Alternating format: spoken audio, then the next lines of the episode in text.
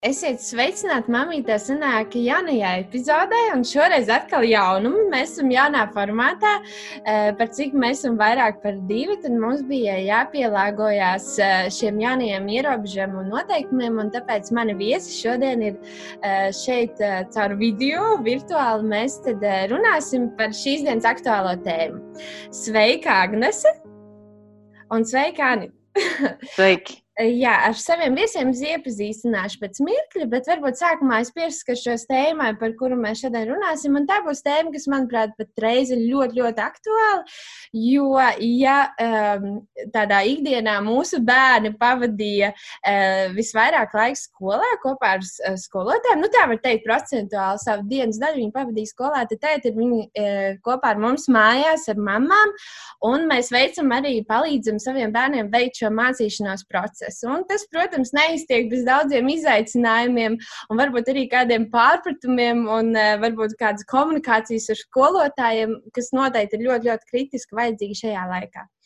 Un, uh, jā, un tāpēc man šodien ir brīnišķīgi viesi studijā, un tā ir uh, skolotāja Anita Zelmane un uh, trīs bērnu mamīte Agnese Baumane. Un es tad palūkšu, varbūt uh, jūs iepazīstināt ar sevi nedaudz vairāk, jo es neesmu sagatavojis par jums uh, šos portfolijā, jo es gribu pateikt saviem klausītājiem, ka noteikti šīs abas sievietes es gribēšu uh, satikt arī savā raidījumā ārpus uh, šīs uh, situācijas, jo viņām ir ļoti daudz ko dot. Anitiņa ir izaudzinājusi brīnišķīgus divus bērnus, arī slavētāja Ester, kas jau mūs vada slavēšanā, ir brīnišķīga meitene arī dēla, un tāpat arī Agnes Bauman ir brīnišķīga sieva savam vīram un par iedrošinājumu un stiprinājumu un daudzām sievietēm. Tātad varbūt jūs varētu sākt ar nelielu iepazīstināšanu ar sevi, savu ģimeni, varbūt tad Anita, tu sāc, jo tās mikrofons ir ieslēgts. Jā. Labdien, mīļās māmiņas! Esmu Anita, un Šobrīd mm, skolotāja, mamma, laulībā ar vīru Gati, nu jau šogad būs 20 gadi. Un mm, meita Estere, kā jau jūs dzirdējāt, viņai maijā jau būs 18, un es varētu teikt, ka viņa jau ir pieaugušais. Un dēls Daniels, kas apmeklē svētdienas skolu un mācās cītīgi 4. klasē, un viņam tieši tajā dienā, kad izsludināja ārkārtējo situāciju valstī, palika 11 gadi. Wow. Un vēl mums mājās ir kaķis, un, un tas laikam ir arī prieka avots mums. Tad, kad uh, nāk stresiņš, paglauda dzīvnieku un uzreiz mm -hmm. sakārtojas domas. Īsumā, ah, jā, par skolu. Skolā es strādāju gandrīz jau 17 gadus. Tajā laikā vēl tur pa vidu arī piedzima mazulīts, bet es kā mamma tajā laikā arī biju saistīta ar skolu. Tā kā man ir diezgan um, ilgstoša pieredze skolas darbā, gan kā skolas um, direktors vietniecei, gan kā skolotājai ļoti daudzos vecuma posmos, sākot no 1 līdz 9 klasē. Starp citu, es aizmirsu pieminēt, ka Anita ir bijusi arī mana skolotāja. Tas tikai man tā tikko ienāca prātā. Jā, un tieši tā. Ir brīnišķīgi skolotāji, un mēs darbojāmies ļoti daudz praktiski, kas, eh, manuprāt, ir pats labākais bērniem. Un Agnesīt, varbūt tu iepazīstini ar sevi un savu ģimeni. Es esmu Agnese, esmu sieva, esmu trīs bērnu mamma. Uh, Esmu uzņēmuma vadītāja, esmu režisors pasākumu. Um, jā, man ir trīs burvīgi bērni vecuma posmā - desmit, seši un trīs. Jā, un Agnēs arī vispār fantastisks cilvēks. Man arī ir tā, tā privilēģija darboties kopā ar viņu un redzēt tos, tos, to radošumu un tos, tās dāvanas, ko Dievs viņai ir iedevis. Tāpēc noteikti arī viņu gribēšu redzēt vēlreiz šeit. Bet uh, jūs abas esat mammas, jums ir arī savas profesijas, savi darbi, uh, savi izaicinājumi. Mēs arī esam sievas, vai ne? Tas viss prasa no mums. Kas ir jūsu kā mamma lielākie izaicinājumi ikdienā ar saviem bērniem? Jā, mans lielākais izaicinājums kā strādājošai mammai ir sadalīt laiku sadalīt laiku darbā, pirmkārt, nepārstrādāties un novilkt sev pašai galvā, varbūt arī kādreiz uz papīra striktas robežas, kad es esmu darbā. Un uh, tad vienkārši nākt mājās, patiešām fiziski nākt un padomāt šajā ceļā, sakārtot savu galvu, ka es neesmu pa pusē darbā, bet kad, tad, kad es ierodos mājās, man ir parasti aptuveni viena stunda laika, līdz es nonāku mājās, fiziski atbraucu. Tad man ir um, klusums bijis apkārt, ir iespējams arī pastaigāt svaigā gaisā. Un tad es atnāku mājās, un tad man ir jāsaprot, ka man ir jābūt simtprocentīgi mājās. Jā, es kaut ko darbam varu izdarīt, un tomēr jāmēģina to atstāt darbā un mājās. Tad ir ēst gatavošana, tad ir sarunas ar bērniem, tad ir palīdzība mājas darbos. Un, um, tas, tas vienmēr neizdodas, jo tev arī, nu, man arī ir labās dienas, man ir grūtās dienas, man ir bijusi kaut mhm. kāda darba pieredze, kad skolā bijuši kādi konflikti, un ko varbūt vēl nav izdevies atrisināt, un tad tu tāds drusciņš nervu kamols arī atnāc, un te ir tā gudrība tik galā pašam ar sevi. Nu, laikam es šodien vairākas reizes teikšu šo teicienu sakārtots vispirms savu galvu, Un tad arī izdosies gan ar bērniem, gan, gan izdarīt visu pārējo, kas tev kā mājas menedžerim, es teiktu, menedžerim jā, jāpaspēj un jāizdara. Um, es par šo jautājumu domāju, kas ir tas mans lielākais izaicinājums. Un tad es sapratu, to, ka mēs abi ar Arvilu esam uh, savu trīs bērnu ārkārtīgi lieli fani. Ja es par kādiem bērniem varu jūsmot, tie ir mani bērni. Un visvairāk es fanojam par viņiem, kad viņi guļ ja tad viņi ir visai ekscelentākie. Bet uh, tas izaicinājums ir tāds, ka um, es kā mamma, es pat teiktu, mēs abi divi uh, esam nolikuši to kā primāro savu bērnu audzināšanā, ka viņiem ir jāizaug par spēcīgām personībām. Un, uh, un audzinot spēcīgas personības un veidojot viņas, mans lielākais izaicinājums ir nepazaudēt savu personību un nepazaudēt to savu aicinājumu. Tāpēc tā, tas līdzsvars starp to, ka tu ieguldies bērnos un tajā pat laikā aug pats, ir visu laiku jāatrod. To, ko jau arī Anita teica. Un es tajā skatos diezgan nu, tā, uh, skarbi. Es cenšos būt diezgan liela egoiste, atzīstos. Uh, un uh, arī tieši šajā laikā es savu egoismu tajā ziņā, kas attiecas par mani kā personību, kā mani kā sievieti, es viņu cenšos diezgan uh, regulāri ievērot un neļaut tam saplūkt tādā vienā plūdumā. Jā, es domāju, varbūt Agnēs, tu vari paskaidrot kād, e, par to egoismu. Paskaidrot, es domāju, kādai mammai radīsies jautājums, varbūt viņai egoisms nozīmē nu, kaut ko vienu un ah. var aiziet galējībās. Varbūt var pieskarties. Ah, priekš manis egoisms nozīmē sekojoši. Es varu neizmazgāt grīdu un tajā laikā iet dušā, aizslēgt durvis. Un tas ir mans laiks, kad es domāju. Es varu nopirkt saldējumu, ielikt viņu saldētavā. Un tad, kad es nolieku bērnu gulēt, es savu mīļāko saldējumu un neteiktu nevienam, ka viņš tur ir. Jā, es varu iekāpt savā mašīnā, aizbraukt un nopirkt sev kafiju, uzliekot viņiem multeni, lai izveidinātu savu galvu. Mm -hmm. Tas mans egoisms ir tajā ziņā, ka nevienmēr man ir jāpadalās ar savu saldējumu. Un uh, ir kaut kāds mans laiks, kuru viņi nedrīkst pārkāpt. Jā. Jo man ir jābūt uh, manai, manai. Mums katram vienam ir sava teritorija. Un, ja mēs pavērojam arī savus bērnus, vismaz es savos vēroju, viņiem ir tā, ka viņi ir kopā, kopā. Un tu jūti, ka viņiem vajag katram tādu savu vietiņu, savu brīdi, ka viņi paliek pilnīgi vieni. Jā. Un es cienu viņu to laiku, Un mēs cenšamies tā, ka uh, norobežot ik pa laikam iedot to telpu katram. Un tāpat arī tāds pats laiks ir manam, manam vīram. Bērni mums ir iedoti uz kaut kādu laiku, un um, noteikti, ka katru dienu ar savām izvēlēm, ar savām rīcībām mēs radām un veidojam viņa skatu, viņa skatu un kaut kādā mērā arī viņa pasauli. Un uh, es domāju, ka ir būtiski, ka mēs kā mammas katru apzināmies, ka uh, tas, ko mēs runājam, tas atstāja viņos kaut kādas nospiedumus, vai ne? Tas vispār, kā mēs viņus audzinām.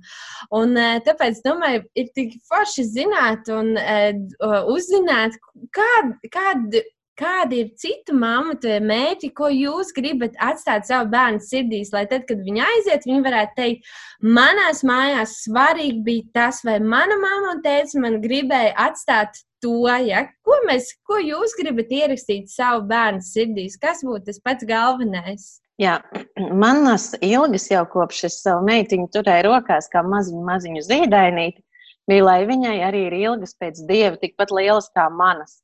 Jo es tajā laikā strādāju svētdienas skolā, un es arī varēju tur dzīvoties stundām ilgi un darboties. Un, un, um, laika ejot, es saskāros arī svētdienas skolā, tad, kad es vēl nebiju šajā brīnišķīgajā draudzē, pirms tam citā, ka bērni pusauģu vecumā aiziet no draudzes, aiziet no dieva, jo um, šis darbs nebija, nenotika ar bērniem. Un, uh, tas man ir aizies skumjas, un es tev noformulēju, es tā negribu.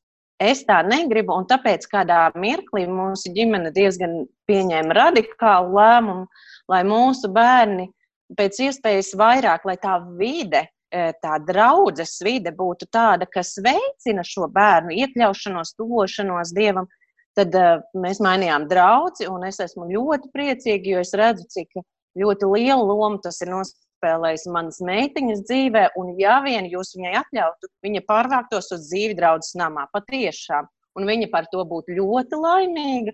Un man kā mammai tas ir ļoti saldi. Es redzu, ka viņa studē Bībeli, ka viņa dzied, ka viņa draugi ir tādi, kas arī raujās uz dieva namu, ka tās sarunas ir pavisam citādākas. Tās, nu, par drēbēm labi mēs varam runāt par drēbēm, bet tas uzsvers ir, kā mēs varam palīdzēt, kā mēs varam iedrošināt, ka runāt šo dievu vārdu, ka, ka tās sarunas, es redzu, ka tās ir ļoti atšķirīgas no tādām, ko es esmu dzirdējis, ko pasaulīgi bērni runā. Un, un um, šobrīd, kad vēl šis ticības ceļš ir arī par manu dēliņu, kad man ļoti, ļoti gribētos, lai arī viņa sirsniņā ir šī ļoti lielā vēlme dzīvot dievam, kalpot dievam, saņemt savu aicinājumu un to piepildīt. Un pārējās lietas tās ir svarīgas. Ir. Es kā skolotāja un kā mamma saku, ka ir ļoti daudz mums jāieguldās savos bērnos un ļoti daudz viņiem jāiemācās Bet, mīļās mammas, to, ko neizdarīsi tu, izdarīs Dievs. Es to piedzīvoju, un esmu ļoti pateicīga, ka Viņš ir atklājis manas kļūdas, manas neizdošanās, un, un tās manas ilgas, turot manu zīdainīti uz rociņām, ko es sapņoju. Nu, katram mums ir jābūt šim sapnim par savu bērniņu, ko es gribu, lai viņš dzīvē, un kāds viņš ir dzīvē galu galā. Mums mājās ir tāda lieta, ka um, mums bērni neziet no mājas pieciem pirkstiem, ko mēs saucam par pieci plaukstiņa. Un tas bija tad, kad man piedzima Patricija, tad es lūdzu Dievam īpaši kaut kādu tādu lietu, kas vienotu mūsu vecākus ar mūsu trīs bērniem. Un, uh, tas viņiem jau ir iegājies tā, ka nu, neviens nevar iziet no mājas, ja tie nav iedod. Tas ir pieci plauktiņi, tad mēs saliekam kopā un mēs vienmēr sakām, tu esi skaists, tu esi gudrs, tu esi talantīgs, tu esi izredzēts un tu esi aicināts. Un tās piecas lietas mēs arī bērniem esam plašāk paskaidrojuši, bet priekš manis viņas liekas tādas, ko es ļoti gribu, lai viņas fundamentāli ierakstās manos bērnos. Un dažiem var likties, kāpēc ir skaists, tad es to pirmkārt, tās piecas lietas atnāk no Dieva, bet es arī saprotu, kāpēc viņas ir. Jo viena no lietām, kas ir ļoti neforša mūsos, ir salīdzināšanās. Un salīdzināšanās balstās uz mazvērtību kompleksiem kaut kādiem. Un es uh, to vienkārši ienīstu, un es to skaužu ārā no saviem bērniem. Un tāpēc mēs uh, viņos ļoti liekam iekšā, esat skaisti.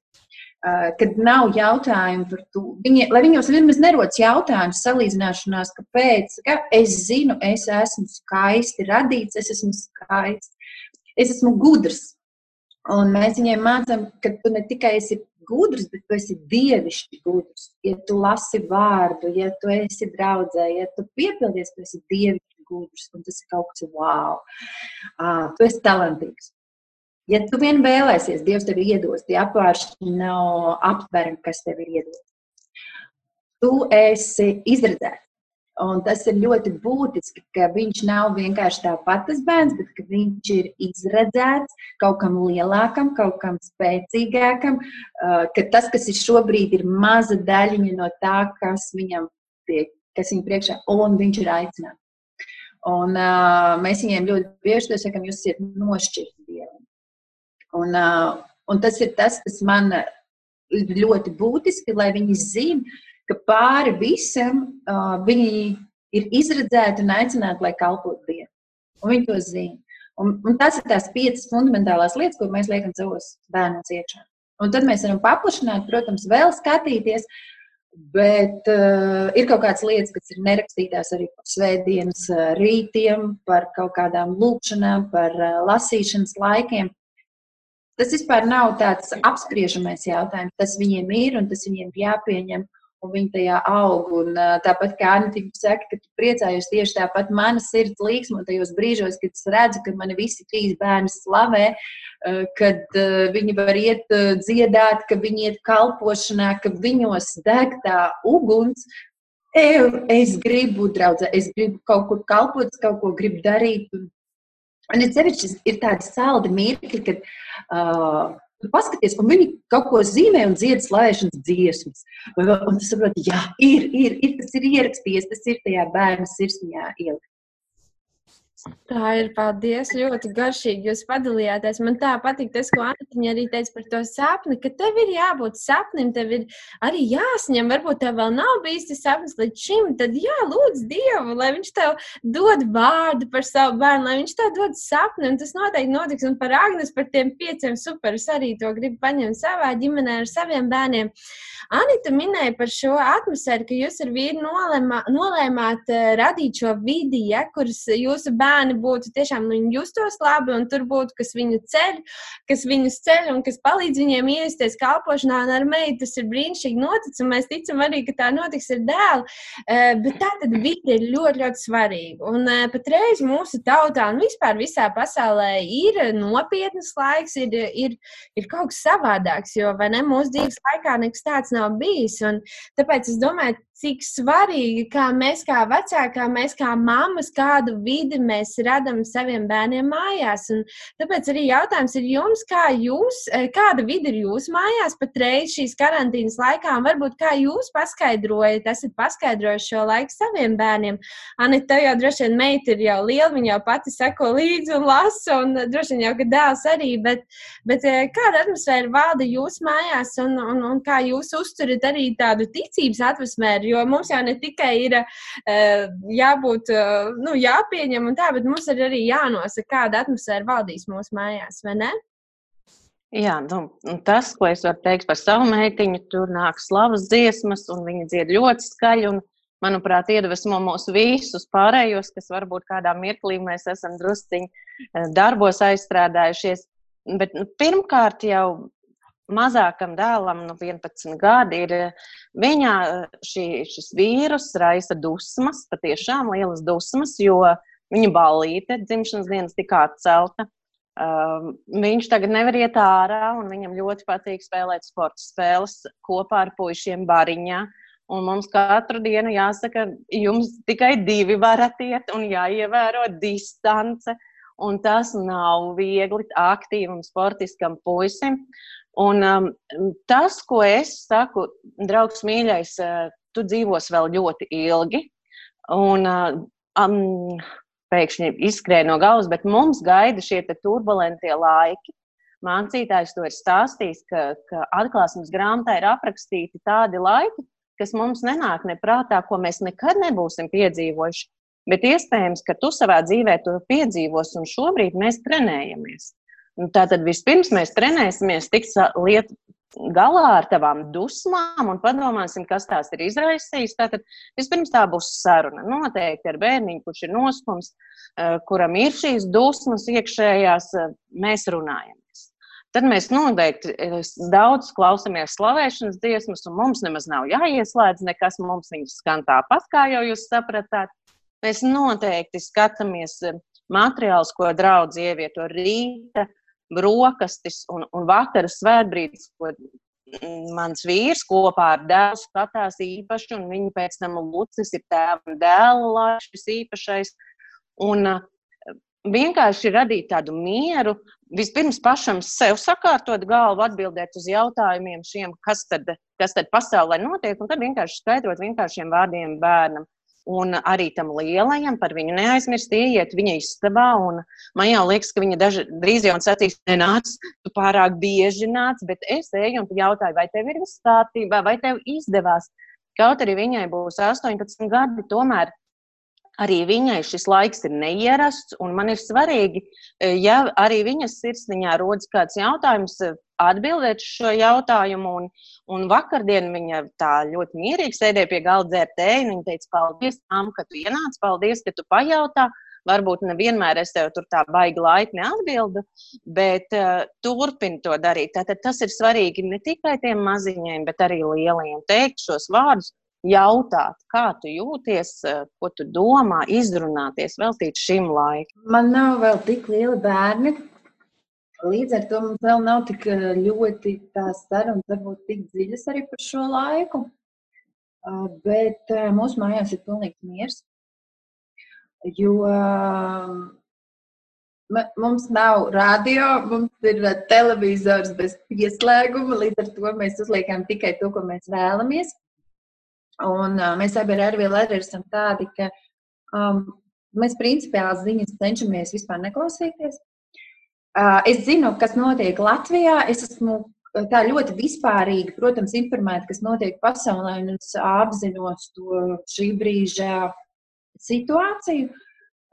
Bet mums vispār ar Arvilu ir tāda dzīves, tāda nu, filozofija, bet tāds skatījums par to, ka man nav jēgas sev piepildīt un uztraukties par lietām, kuras es nespēju mainīt par lietām, kuras es varu mainīt, par tām es iespringstu, par tām es arī tās es laidīšu uz sevi un es uh, viņas kaut ko darīšu ar to visu. Bet um, katru dienu noskaidrojot, cik, piemēram, uh, Itālijā, Spānijā vai vēl kaut kur kaut kas notiek, pasakiet, nu, es neredzu to, uh, ko es tajā visā varu izmainīt. Jā, es varu lūgt, bet es arī varu lūgt, nezinot ciparus un nez, nezinot, eh, kas nu, drastiski tagad notiek. Un, um, mēs vienkārši principiāli izvairamies. Līdz ar to mm, mums mājās ir saku, tāds pilnīgs miers. Mēs, uh, mums ir, uh, mēs ticam par veselību. Mēs joprojām bērniem mācām par to, ka tā ir tāda pati slimība kā jebkura cita. Ja viņa nāk pret mums uzbrukumā, mēs zinām, kā pret to nostāties. Viņa nav īpašāka, viņa nav tāda milzīgāka. Eh, jo mēs tieši vakar ar brālīti, ar dēlu, lasījām par Goliātu. Un es teicu, tas ir tieši tas pats.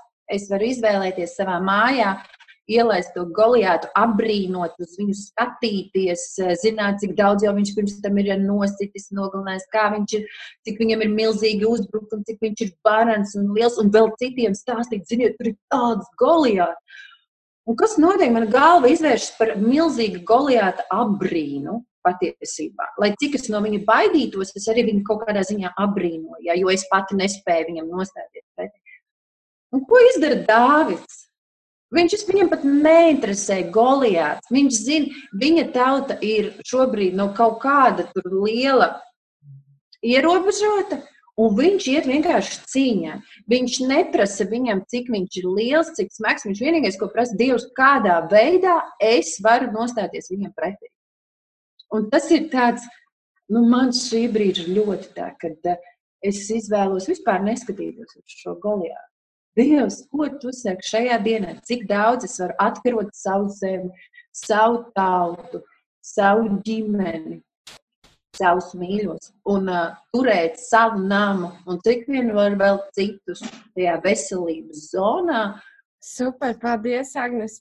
Es, es nebiju iedomājusies šajā sakarā šo vārdu par dāvanu un goliātu, bet īstenībā ļoti forši un atbilstoši. Tas aspekts tik stiprs, vai ne? Kad mēs tikai apbrīnojam to slimu. Jā, brīnišķīgi. Um, jā, nu, jā, varētu teikt, ka tas laiks ir laiks, kad es domāju, mēs katrs arī pārvērtējam un ceļam savu ticību un pastamies, kur mēs arī esam savā ticības dzīvē un kā viņš mums liek justies. Tāpat laikā ir mamīts, kas man saka, jūs tur visi sakat, pārvērtējat, eh, paskatieties, izbaudat, pierakstat, izanalizējat. Viņi saka, man nav laika dušā iet. Ja? Kad eh, man tiešām es esmu ļoti noņēmusies ar saviem bērniem. Tā noteikti šis laiks tāds ir, jo, ja parasti bērni gājas skolu un vecāki satika vakarpusē, tad šodien, nu, tad šajās dienās vecā, bērni visu laiku ir mājās. Un tas mācību pro process notiek mājās. Un es varbūt pajautāšu sākumā Agnesei, tagad tev visi trīs ir bērni mājās, un kādi varbūt ir jūsu izaicinājumi? Patreiz esat mājās un arī runājāt tieši par to mācīšanās procesu ar Heidiju. Man laikam Heidija nebūs tas lielākais izaicinājums, jo um, viņa man ir ļoti gudra. Mm -hmm. viņa ļoti mācās, lai gan šodien mēs pavadījām tiešām divu ar pus stundas mācīties trīs ciparu skaidru atņemšanas. Un tev brīžiem liekas, nu kā tik elementāri var nesaprast, bet labi, pēc trīs stundām bija uzvara. Uh, bet man laikam šobrīd lielākais izaicinājums pat ir Patricija, kurai ir seši gadi, kurai septembrī sākas skola un dārziņš vairs nav, bet viņiem dārziņā tas bija regulāri lasīšana, rakstīšana, rēķināšana, jo man ir, es apzinos to, ka 1. septembris un neviens skolā neteiks, kā tu vari nemācēt lasīt vai rakstīt vai rēķināt. Un, bet tajā pat laikā viņai ir šis sešgadnieku sindroms, ka viņa nevar nosēdēt ilgāk par 20 minūtēm. Man viņai īpaši jāvēl tas laiks, kad mēs rēķinam, lasām. Un tas priekš man ir godīgi daudz lielāks izaicinājums nekā pat Keidija ar, ar savu trešo klasu. Bet, ziniet, ka es par to esmu domājusi. Un, un tā kā tu arī minēji, ka. Um, Nu, kā tas var būt, ka jūs tur vēl ieiet dušā, jūs vēl uh, par, uh, paspējat uzrakstīt un aprakstīt, kā izrakstīt kaut ko tur, ja, un, un vēl laiks dievam, pa kuru laiku. Uh, tad, ziniet, kā, mm, es saprotu, atkal tā pati tā situācija, kad es nevaru pirmkārt sevi ar vienu tipu salīdzināt. Un nevienam es tiešām iesaku, nevienai mammai, lūdzu, beidziet sevi salīdzināt ar citām mamām. Jā, tev varbūt šobrīd nesanāk, un varbūt vajag pārskatīt kaut kādas lietas, kur mēs pat daudz ieguldamies. Jo, un eh, šajā brīdī pēc šī teikuma varbūt kāds man pārmetīs, kā, bet es saku gudīgi. Es arī skolu šobrīd. Mums nāk tās pašas ziņas, kad ir jāizmācās tas, un ir kaut kādi haosa situācijas, un, un kaut kādas dusmu brīži, un vēl kaut kas. Bet tā atkal ir mana izvēle. Un es neļaušu skolai um, izjaukt manu ģimenes mieru. Ja viņa tajā brīdī viņai ir par daudz, un viņa to nespēja, vai es nespēju, vai mēs vienkārši novelkam stopā. Es esmu pieņēmis sliktākais, ko var izdarīt manu Heidiju, atstāt vēl vienu gadu trešajā klasē. Un es saprotu, ka tas pat nav sliktākais, kas var notikt ar manu dzīvi. Tas var būt sliktākais ar Patrīciju. Vēl vienreiz viņa atstās dārziņā. Nu, atstās, atstās. Bet redziet, tas, atkal, e, tas ir mans tīrs skatījums. Tas ir atkal lietas, ko es nevaru ietekmēt. Bet es varu ietekmēt, lai manā mājā būtu miers. Lai mani bērni dzīvotu harmonijā un šo laiku izbaudītu ar mani, mierīgu mammu, savāktu mammu. Un dažreiz arī nesavāktu. Bet tas ir tas brīdis, kad man jāmēģina. Un es domāju, nu kā, nu, ko nozīmē man bērni trīs bērnu mājās? Man, es, es iedomājos, nu, laukos, mans teicis izauga laukos. Uh, viņš, uh, uh, ka viņš, uh, viņi bija jauni un tā. Viņiem bija uz skolu jāiet tie entie kilometri. Tad viņi nāca mājās. Viņiem vispār, viņi nāca mājās, viņi uzreiz strādāja. Tas viss turpinājās. Ziemas brīvlaiks, vasaras brīvlaiks, viņi taču kaut kā to sakārto. Starp visu to, nu tad arī man ir kaut kāds mans svaidījums manā situācijā, ka es varu sakārtot. Un tas brīžiem izskatās smieklīgi, un brīžiem, kā es saku, ir, ir, nostapējiet šo visu, nofilmējiet. Tas ir vienkārši komēdijas cienīgi, kas šobrīd notiek mūsu mājās. Bet tāds laiks vairs nebūs. Un nebūs man laiks, kad es varēšu no rīta ilgāk pagulēt ar savu mātu un dēliņu kopā, un kamēr meitenes abas divas istabā kaut ko pucējās, kad es varēšu ar viņiem ilgāk pastrīdēties par kaut kādiem matemātikas vai latviešu valodas vienā no nu, visādiem uzdevumiem, man tāds nebūs. Man tūlītās tas beigsies, tas ir īsts periods. Ziniet, man tik ļoti patika, ka um, mācītājs vienā reizē teica, teica, ja ir grūti laiki, laiks iet ilgi, Bet, ja ir viegli laiki, laiks iet ātri. Un es gribētu teikt, ka mēs paši esam tie, kas noliek, vai šis laiks man ir grūts, vai viņš ir viegls. Un situācijas ir ļoti dažādas. Es ticu, ka šajā brīdī ir mammas, sievietes, kas var teikt, Dārgas, tu pat pusi nezini, kā mēs ejam cauri. Un tieši tāpat arī pusi tu nezini, kā mēs ejam cauri. Bet mums katrai ir savs svaidījums, lai mēs izietu cauri. Un, uh, kaut ko neizdarot, vai tāpēc pasaulē apstāsies, nu viņi taču neapstāsies. Nek izdomā, kas ir tas ļaunākais scenārijs, kas var notikt. Un saproti, ka nu, viņš nemaz nav gal galā tik ļauns, un kad uh, mēs varam bišķi paņemt arī vieglāk un citu ceļu. Super, paldies, tev, Agnesīte. Anita, tev kā skolotāja arī noteikti ir savi izaicinājumi, plus tu vēl esi mamma un dēls, kurā klasē tev iet. Noteikti, ka jūs arī mācāties kopā kaut kaut kādā Ceturtā klase. Ceturtā klase. Jā, protams, būt reizē skolotājai un reizē mammai nav tik viegli. Bet es laikam domāju līdzīgi kā Agnes.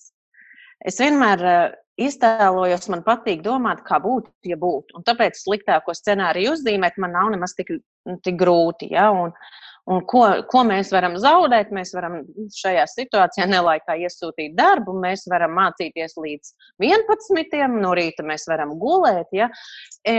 Es arī skatos drusciņā vieglāk. Nu, galu galā tie putekļi, kas šeit griežas, ja, jūs jau to tāpat neredzat, un ja vien man tas netraucē dzīvot, tad tos varu savākt arī rītā.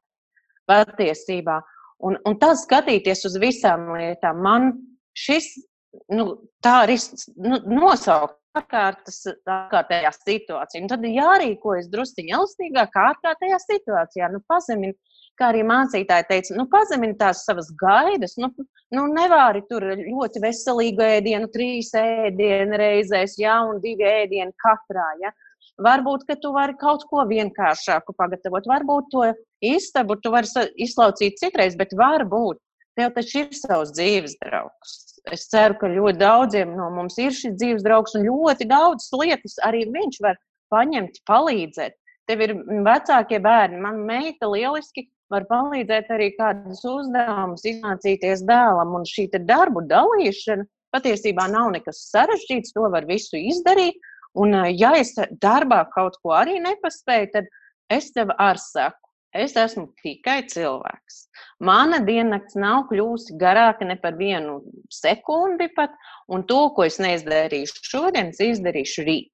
Galu galā neviens no tā neko nebūs pazaudējis, bet svarīgi, lai es saglabāju vēsu galvu. Grūtāk droši vien bija tad, kad tas tikko viss sākās, šī pirmā attālināto mācību pirmā, otrā, trešā diena, kad daudzi mēs nezinājām, kas, kā notiks, kā jāstrādā, bet šobrīd jau ir pagājusi jau pusotra nedēļa, un tomēr skolotāji daudz ko ir sapratuši, daudz ko ir vecāki sapratuši. Un patiesībā mums būtu jāpieņem situācija, ka iespējams, ka tas turpināsies, un tad nu gan ir īstais laiks apstāties un sakārtot vēlreiz savu galvu, kā jau es sacīju, un izvēlēties, kā, ko tad mēs tur gatavojam, kādus ēdienus, kurš būs atbildīgs par tiem putekļiem, ja, lai viņu nebūtu, kurš būs atbildīgs par trauku mašīnas izkrāmēšanu un tā tālāk. Tā ir vienkārši darba organizācija un viss. Mēs skolotāji ar to katru dienu skolā nodarbojamies. Tā kā vecāki mīļie, jūs arī varat organizēt darbus savā mājās, izdalīt tos katram ģimenes loceklim, un tur redzēs, paliks arī laiks tev. Nu, ja tev ir tādi neatsaucīgāki ģimenes locekļi vai bērniņi vēl ir mazāki, tad nu gan ir eh, dažreiz jāliek savs egoisms pirmajā vietā un vajadzīgs laiks tomēr, lai sakārtotos, nomierinātos. Stundu iziet ārā, vienkārši pastaigā, svaigā gaisā, viens pats, un tad tu tur vari būt sarunās ar Dievu. Tu vari izrunāties, jo apkārt jau nav daudz cilvēku, ja tur skaļā balsī, ja vajadzīgs, arī vari paraudāt. Un, un patiesībā es jau vairākas dienas to izmēģināju, un tas tik ļoti labi palīdz sakārtot galvu. Un tad tu atgriezies ar svaigiem spēkiem, un, ja vien tu esi bijis lūkšanā, es biju sadraudzībā ar Dievu, tev sētais gars īstajā mirklī atgādina, palīdz. Un, un es esmu jau saņēmusi daudzas atbildes, es esmu iemācījusies sakārtot savu dienas režīmu, lai es neesmu pārstrādājusies, lai es nepaceļu balsi uz saviem bērniem, kad liekas, ka ir liels stress. Dienas režīmu sakārtoju, sakārtoju savu laiku pie datora, par ēšanu, sakārtoju, ko ģimene ēd, jo neviens cits manā ģimenē negatavo, tikai es.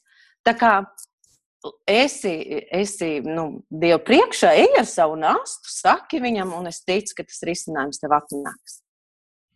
Okay, jā, es vēl gribētu piebilst, ka um, mēs, uh, man liekas, ka šobrīd ir tā, ka, ja tu esi kristīts un tu pazīsti Jēzu personīgi, tad šim būtu lai, jābūt tam laikam, kā saka Jēzē, ka celies un spīdi. Un tas nozīmē, ka tajā kad, jautājums ir, kur ir, kur ir kaut kas nogājis greizi ar tavām attiecībām ar Dievu. Tāpēc, ka šis laiks nav pat stāsts par tevi un tavu ģimeni. Tas ir stāsts par to, ka es teiktu, es saprotu tos, kuri nepazīst Dievu, un es tiešām neizprotu brīžiem, kā viņi spēj šajā laikā izdzīvot. Un, un zinot tās situācijas, es pat nezinu, ko viņiem citu pateikt, kā tai mammai, kā tev ir vajadzīgs Dievs. Ja, ne, ja tev nav Dieva, es nezinu citu variantu. Tāpēc, ka mm, es varu padalīties tādu mazu uh, piemēru no savas dzīves. Es dzīvoju visu laiku ļoti lielā mierā šajā laikā. Tiešām nu, tādā pārdabiskā mierā, lai gan es esmu uh, tajā profesijas uh, vietā, kas ir sauktās kultūra un kas šobrīd ir apstājusies pilnībā. Uh, un uh, es varētu arī teikt, es nezinu šobrīd, ja, kas būs pēc, un, un tas tiek pagarināts tas laiks, bet uh, es dzīvoju mierā. Un dienu nakti es pamodos, vienkārši man bija tik drastisks bailes. Es vienkārši sasniegumā pamodos no tā, ka man bija bailes par rītdienu. Bet nevis tā tieši par rītdienu, bet par nākotni. Un tev vienkārši domas nāk virsū milzīgas par to, kā, kā tu pabaros ģimeni, kas notiks tādā, kā tu apvienos. Un tā bija viena nakts, kad tu vienkārši plosies un tu nespēji to apstādināt. Un es sapratu, ārpēc tā dzīvo cilvēki, kuriem nav dieva un nav kur. Un, un vienkārši tur guli gultā, cerāvies tiešām sasniedzis bailēs no tā, kas būs rīt un kā tu tiks ar visu galā. Tad, kad nauda beigsies, kā tu varēsi nomicēt vai vēl kaut ko. Es skrēju, es paņēmu vaļā Bībeli un lasīju Dievs, ko tu man saki par šo situāciju. Un tas ir šitā. Tev ir nolaists atkal tā ticība, tev atnāk pilnīgais miers, tev Dievs iedod konkrētu rakstu vietu, kas iedod stabilitāti. Un tu atkal ienāc tajā savā drošajā vietā un saproti, man viss ir kārtībā. Tēvs, ko tu gribi? Kur ir kāda ģimene, par kuras var iestāties lūgšanā? Kur es varu kādam kaut ko palīdzēt? Mīļās mammas, es gribētu teikt, tā, ja mums ir laiks Facebook vai Instagram, vienalga, kur ierakstīt, cik mums ir grūti, tad to laiku mēs arī varam paņemt, lai vienkārši lasītu vai lūgtu. Jo no tā, ka mēs pačīkstam, nekas neizmainīsies. Un es gribētu teikt, ka, ziniet, e, man tas arī atnāca tik ļoti par to, par tiem raudošajiem līdzjūtējiem. Man ir grūti atrast kādu, kas man sēros blakus un raudās kopā ar mani. Oi, tikai iedodiet, viņi uzrādīsies tie raudātāji riņķī tik ātri, Bet man ir būtiski, lai šajā laikā man riņķī ir cilvēki, kas stāv ticībā, kas runā ticību un kas iet ticībā. Man nav laika raudāt, man nav laika, lai sevi žēlotu šobrīd. Mans laiks šobrīd ir dzīve, mana ģimene, mani bērni. Un man kā kristietim arī mani līdzcilvēki visi viņi.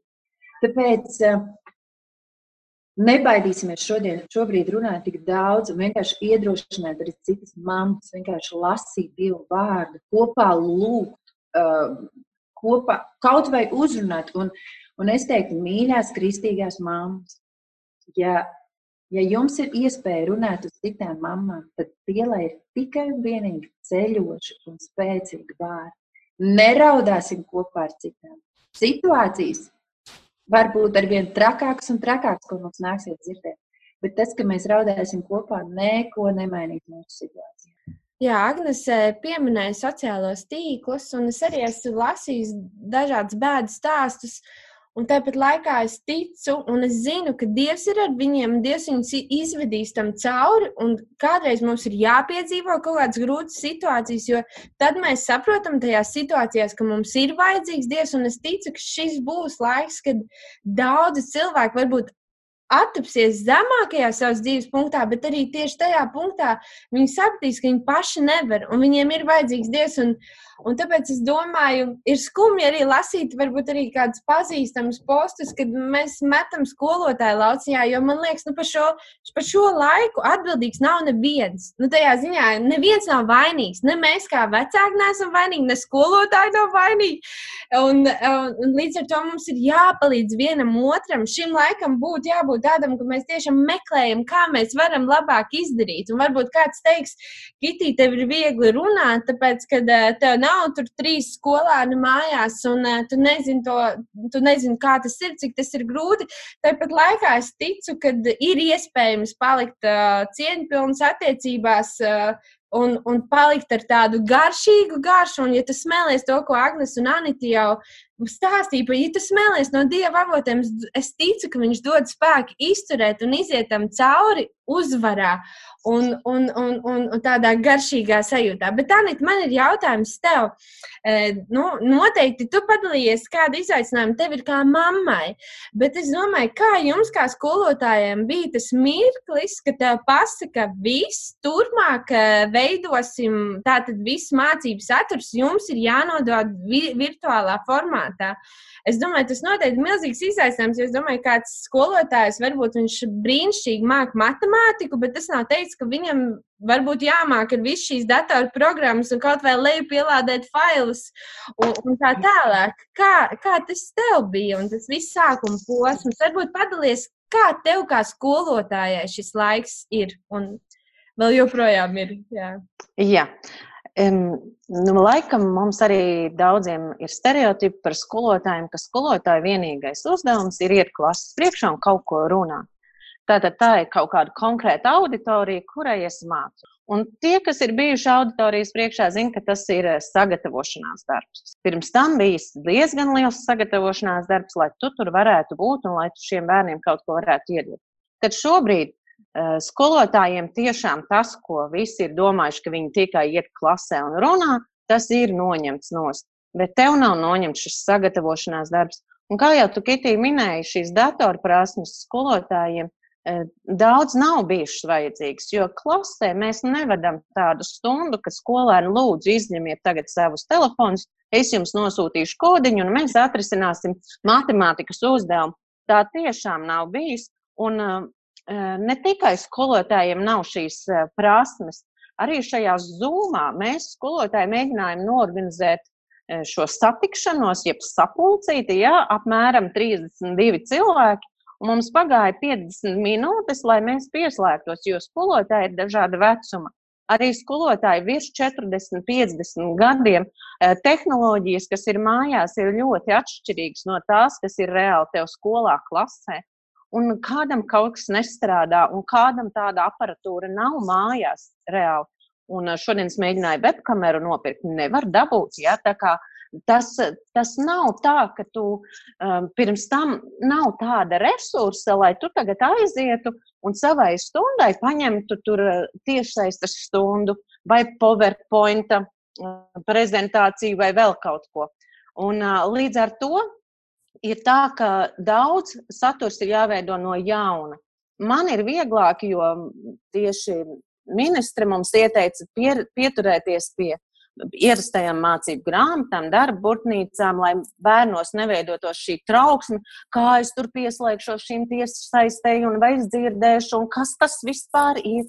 Līdz ar to sākuma skolā mums šis darbiņš ir diezgan vienkāršs, ka, ka es nedēļai, tad man ir veselai nedēļai jāsaplāno visi mācību uzdevumi visās manās stundās mācāmajās. Man ir jāsagatavo darba lapas, kas viņiem būs nepieciešamas. Šie praktiskie vizuālās mākslas maitrības darba uzdevumi ar pilnu darba aprakstu. Eh, ja stundā es to varēju improvizēt, viņiem izstāstīt, pieiet klāt, parādīt, tad šobrīd man jāveido kvalitatīvs apraksts, lai tas bērns var atvērt un to izdarīt. Um, nu man vismaz pagājušā nedēļa uzņēmu tādu laiku, Tas paņēma vienu kārtīgu darba dienu. Man ir 24 kontaktstundas, ļoti dažādi mācību priekšmeti un dažādi vecumi. Viena kārtīga darba diena, 8 stundas tikai, lai nedēļai sagatavotu uzdevumus.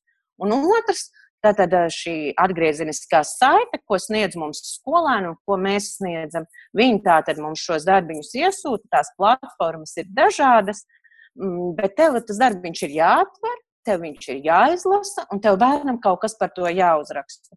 Un uh, tu jau vari sacīt, nu, kas tur tas nekas. Es ar tā sākumā domāju, ka pirmajās dienās man uh, pas, e-klases pastiņā ieripoja 90 vēstules, un man bija jāatbild uh, nu, vidēji 50, 60 vēstules dienā. Tad padomājiet, tas ir mana vidēji ir 70 skolnieki, ar kuriem es strādāju. Ja? Tātad ne katrā stundā, bet vispār nedēļā. Tad, ja skolotājs, piemēram, māca latviešu valodu trīs paralēli klasēs, un viņam tur ir kaut kāds noteikts stundu skaits, iespējams, ka viņam ir 120 skolnieki vai pat 150 un vairāk.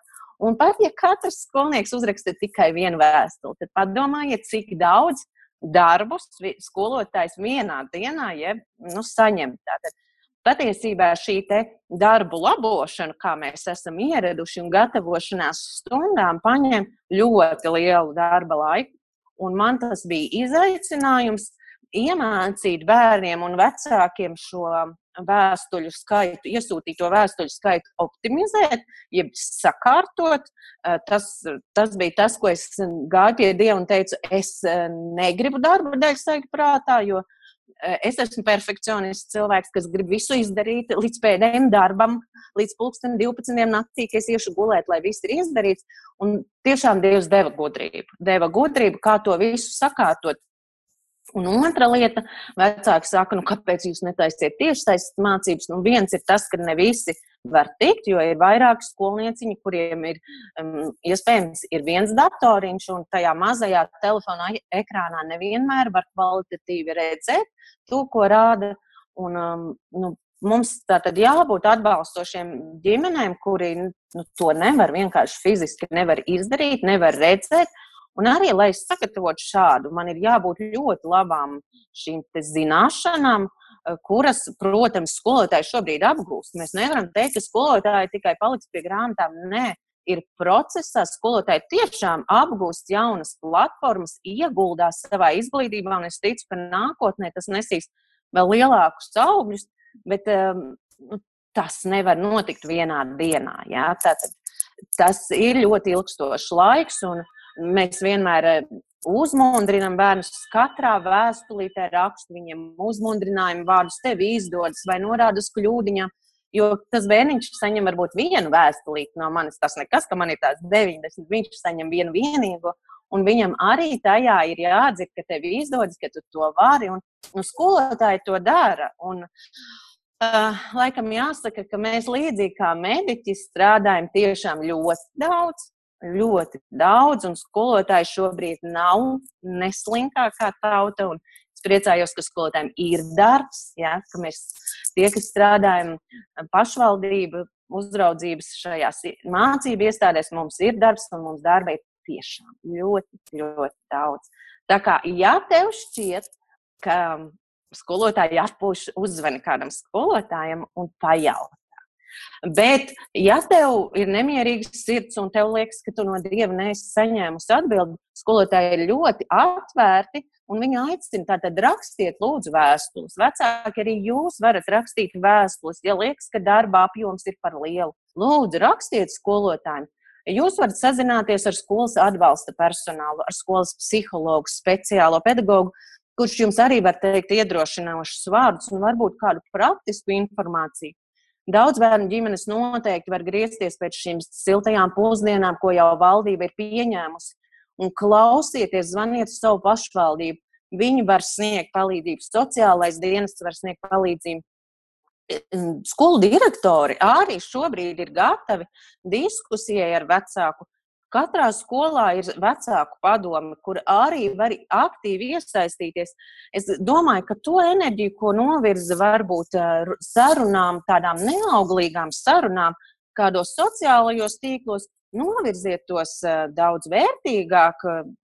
esiet aktīvi. Es vienmēr saku, esiet sociāli aktīvi, un es pateicos par katru bērniņu, kurš piezvanīs skolotājai, bet jūs mums šoreiz uzdevāt to pašu, ko pagājušajā nedēļā. Paldies, draugs! Es tūlīt ieiešu, es arī esmu cilvēks, es kļūdījos. Un, un vienkārši risinam problēmas auglīgā gaisotnē, un tas vien, vienmēr nesis daudz labākus rezultātus nekā tāda nu, tukša vārda izteikšana bez, bez risinājuma. Paldies, Anita, ka tu padalījies.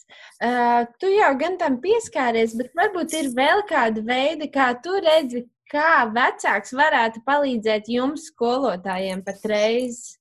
Vai ir vēl kaut kas bez tā? Pirmkārt, es eh, domāju, ka mums vajadzētu runāt cieņpilni par skolotāju mājās. Jo mm. nav, nav noslēpums, ka bērnam ir vairākas autoritātes. Mēs arī svētdienas skolā mācām, ka Mm, skolotājs ir viena no šīm autoritātēm, kas bērnu dzīvē ir. Un, ja mēs izsakāmies um, dusmīgi par uzdotajiem uzdevumiem, par skolotāju personību un tā tālāk, tad patiesībā mēs šo autoritāti graujam. Un jūsu bērns atgriezīsies skolā. Varbūt ne, ne šajā mācību gadā, bet 1. septembrī iespējams. Ja? Un tad viņš uz šo skolotāju var skatīties ar tādām neusticības pilnām acīm, ka vecāks ir iesējis šo neusticību, ka skolotājs īsti nezina, ko dara un tā tālāk. Līdz ar to, pat ja tavā sirdī ir šobrīd tāda sajūta, ka es īsti tos skolotājus nesaprotu, varbūt vienkārši paklusē un, un padomā, kā tu vari sniegt bērnam šo atbalstu.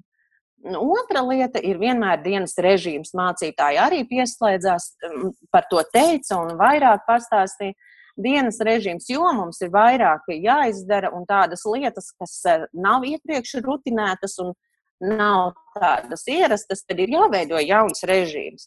Un, nu, jau mēs ilgāku laiku tajā dzīvojam, un tev vienkārši ir jāsakārto, kad jūs ko darat. Tad, kad, kad jūs ņemat pauzes, kad jūs ejat gulēt, arī svarīgi ir, lai tas vakars neiestiepjas pārāk garš, ka bērniem ir laiks, kad ir gulēt, jo viņi jūtas ļoti labi, kad viņiem ir režīms, Un šajā režīmā bērns jūt drošību, un tas var arī atnest mieru, ka mums te nav nekur jāsatraucās, ka mēs izdarīsim savus uzdevumus.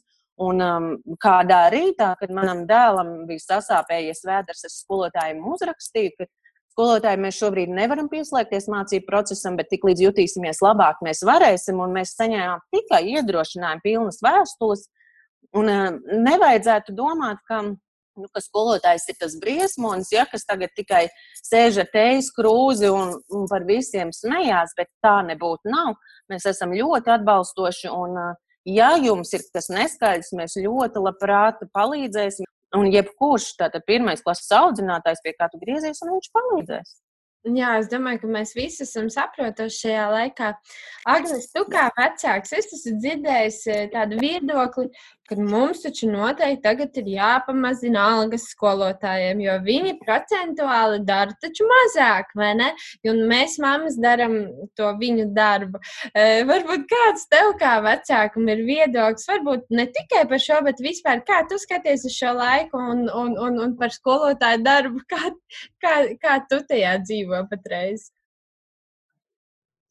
Es uz to skatos tā, ka Tā ir cita cilvēka kompetence, cita cilvēka maciņš, kurām man tiesības līdz iekšā nav nekāda. Es neesmu darba devējs, un eh, es vispār ne par vienu cilvēku nevaru neko atbildēt. Es piekrītu tam, ka ne visi skolotāji ir eh, šis pozitīvais piemērs. Uh, ir skolotāji, kas tiešām šobrīd strādā dubultā, un es, vis, uh, es apbrīnoju, un es tiešām mājās mēs tikai vienīgi tiešām labas un pozitīvas, ne tikai mājās, bet arī ārpusē, es tiešām tikai izvēlos runāt labas un pozitīvas lietas par pedagogiem. Bet uh, man liekas, ka tas ir tāds plašāks skatījums šobrīd, um, jo tad, kad tev ir grūti, un ja, un ja mēs neesam sev pieredzinājuši to, ka es skatos savā situācijā un meklēju savā situācijā risinājumu, tad mēs sākam meklēt vainīgus. Un, tā kā tu jau arī pašā sākumā, Kitī, pati to noformulēji, ja, ka šajā situācijā neviens nav pie tās vainīgs. Mēs visi esam vienlīdz vienādā laivā, vienlīdz lielā, nu, vienādā situācijā. Jā, ir kādam, kas ir grūtāks, un es šodien tieši izlasīju vienu mammu, kurai es viņu pazīstu personīgi, kurai ir uh, divi skolnieki un divi dvīnīši nesen piedzimuši. Mana sirds tiešām sažņaudzās kā mammai, jo es, es iedomājos, kas tur notiek. Jo, Um, ir sevišķi, ja tev vēl ir uh, kāds bērniņš, kurš nav šis uh, viegli mācāmais, kuram kaut kādu to piepūli vajag lielāku. Bet tāpēc, vienalga, cik mums būtu slikti apstākļi vai grūti pretīzāk apstākļi, un šis šobrīd ir tā situācija par to, ka eh, darbus tik daudz pazaudē, un, eh, un tas finansiālā situācija šobrīd ir ļoti neskaidra. Un es, tas, tas, ko es minēju, ja, ja es naktī pamostos ar bailēm par to rītdienu, un ja tev nav dieva, tad uh, jautājums, kur tu rīt nākamā dienā dabū to enerģiju un kur tu dabū kaut mazāko resursu, uh, lai varētu turpināt ar pozitīvu un paskatīties saviem bērniem acīs un pateikt, mīļie, mums būs rīt ko ēst. Jā. Un es to saprotu. Bet uh, tas man jebkurā gadījumā nedod tiesības kādu grupu, sociālo grupu vai kādu no kādu no profesijām šobrīd kā, diskriminēt vai pazeminēt. Jo tā situācija ir kāda, man liekas, ka ceļš mums kristiešiem. Mums šobrīd ir jāpriecājas, ka ir kaut kādas vēl grupas, kas ir palikušas neskartas un kuras saņem savu algu, un kad uz mūsu Latviju ir kaut kāds vismaz kaut kādi procentāli, kuri super, šitie bērni būs pēduši, šitajā ģimenē būs naudiņa, šitie cilvēki dzīvos super. Man liekas, ka mums būtu daudz vairāk jāuztraucas par tiem, kas šobrīd tiek vai no nu atlaisti, vai kaut kur nesaņem, kā es tiem varētu palīdzēt. Uh, jo tas, tā akmeņu mētāšana par to, ka un salīdzināšana šitiem ir, šitiem nav, šitiem ir vairāk.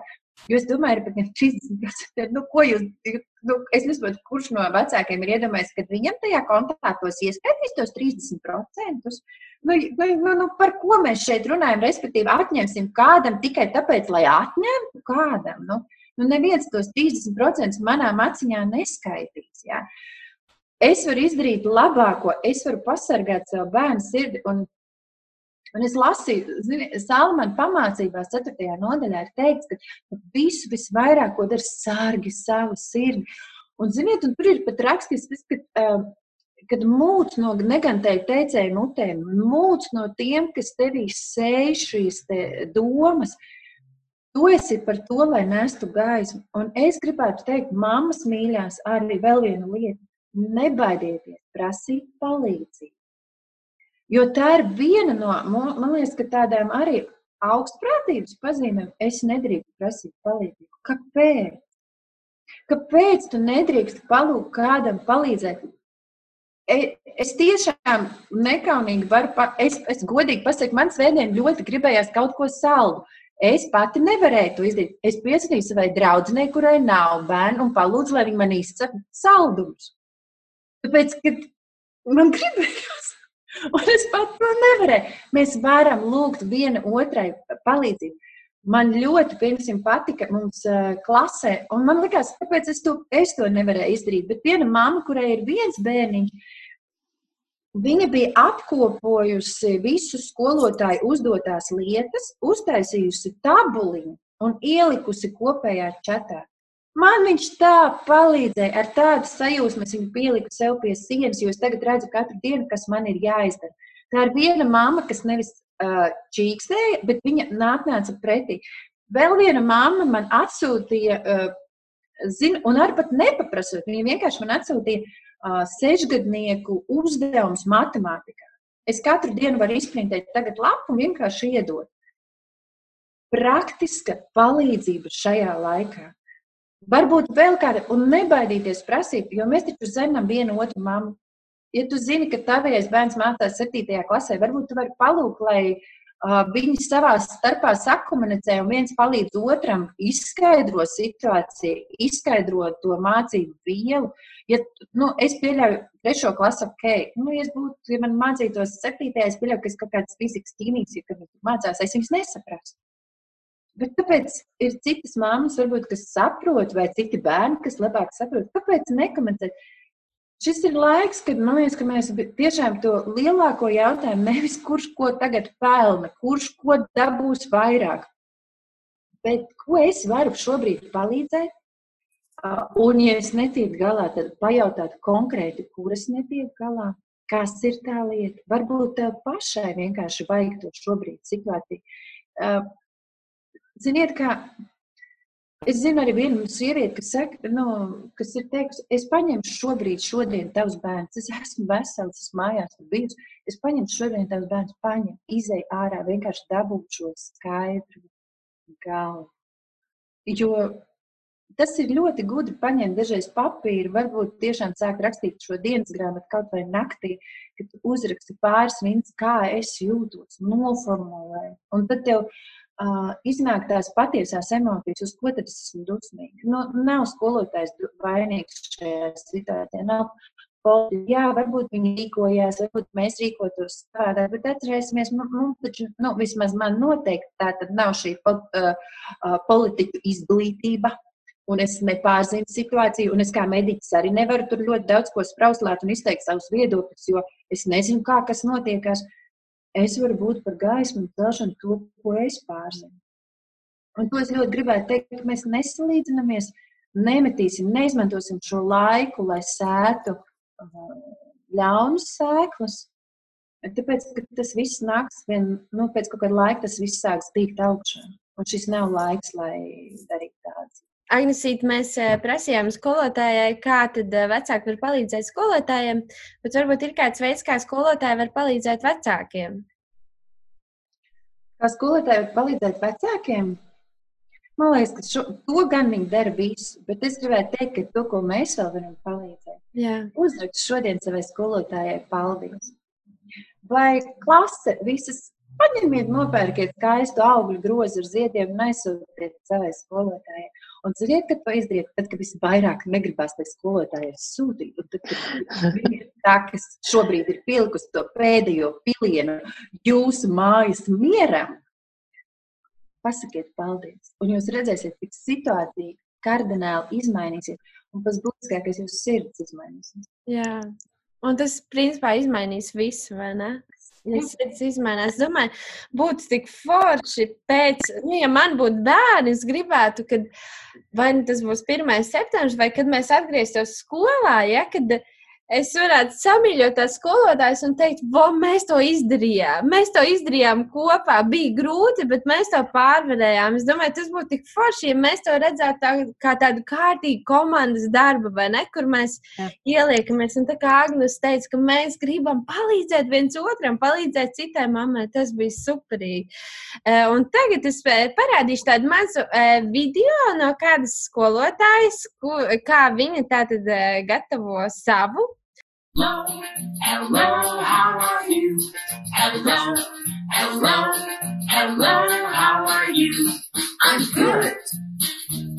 I'm great. I'm wonderful. Now repeat after me. Atkārto pēc man. Black. Well done! Tā situācija un ierobežojumi attīstījies zibenīgā ātrumā. Un ja sākumā mēs kā skolotāji domājam, ka, e, ka mēs varēsim sanākt kopā, ka veidot to visu tālmācības procesu pirmkārt skolā, otrkārt sanākot kopā un domājot to grupiņās un pārdomājot to ar ko, kopā ar klašu audzinātājiem, toties izrādījās, ka ka tomēr mēs arī nedrīkstam pūcēties šādā ziņā, un, un, un, un, un līdz ar to tā kā tie ierobežojumi bija ļoti stingri, ir ļoti stingri joprojām, un tad katram skolotājām nācās šajā cīņā būt patiesībā pašam pa sevi. Protams, sazinoties ar klases audzinātājiem, sazinoties, protams, ar vadību un tā tālāk, bet savā ziņā mums nebija pietiekami daudz laika un pietiekami iespējas un, un un resursi un vispār, lai izveidot kaut kādu kopīgo, piemēram, izglītības iestādes sistēmu, pēc kuras mēs strādāsim, kurus mēs, eh, ko mēs izvēlēsimies, kādu platformu, ko un, un kā tā, tikai tā strādā. Un ja mana ikdiena izskatījās, kā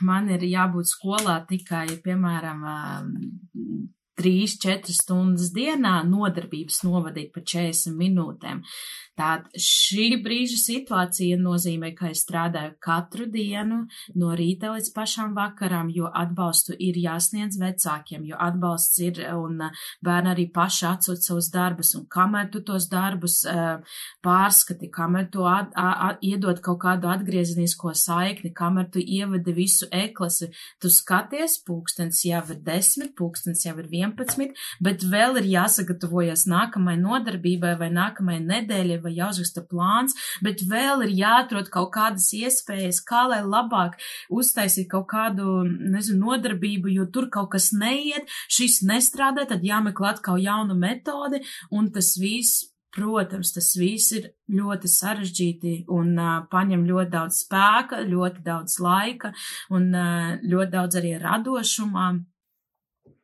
Sveicināti! Mani sauc Sigita. Esmu matemātikas skolotāja jau astoto gadu. Strādāju skolā un mācu bērnus no 5. līdz 9. klasē.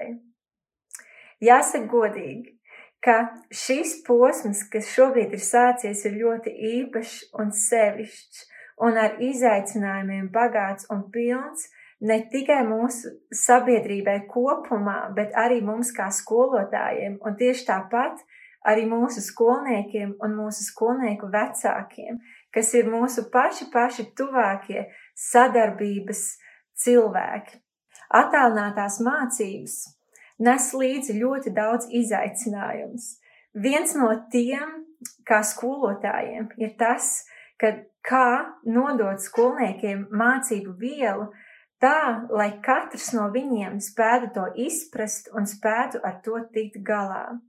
Otrais izaicinājums - kā skolotājiem efektīvi saņemt atgriezenisko saiti no katra bērna.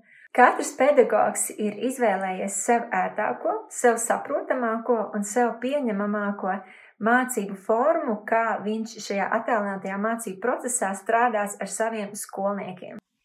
Konkrēti mana pieredze ir šāda, ka es esmu izvēlējusies savas matemātikas stundas vadīt online tiešsaistē.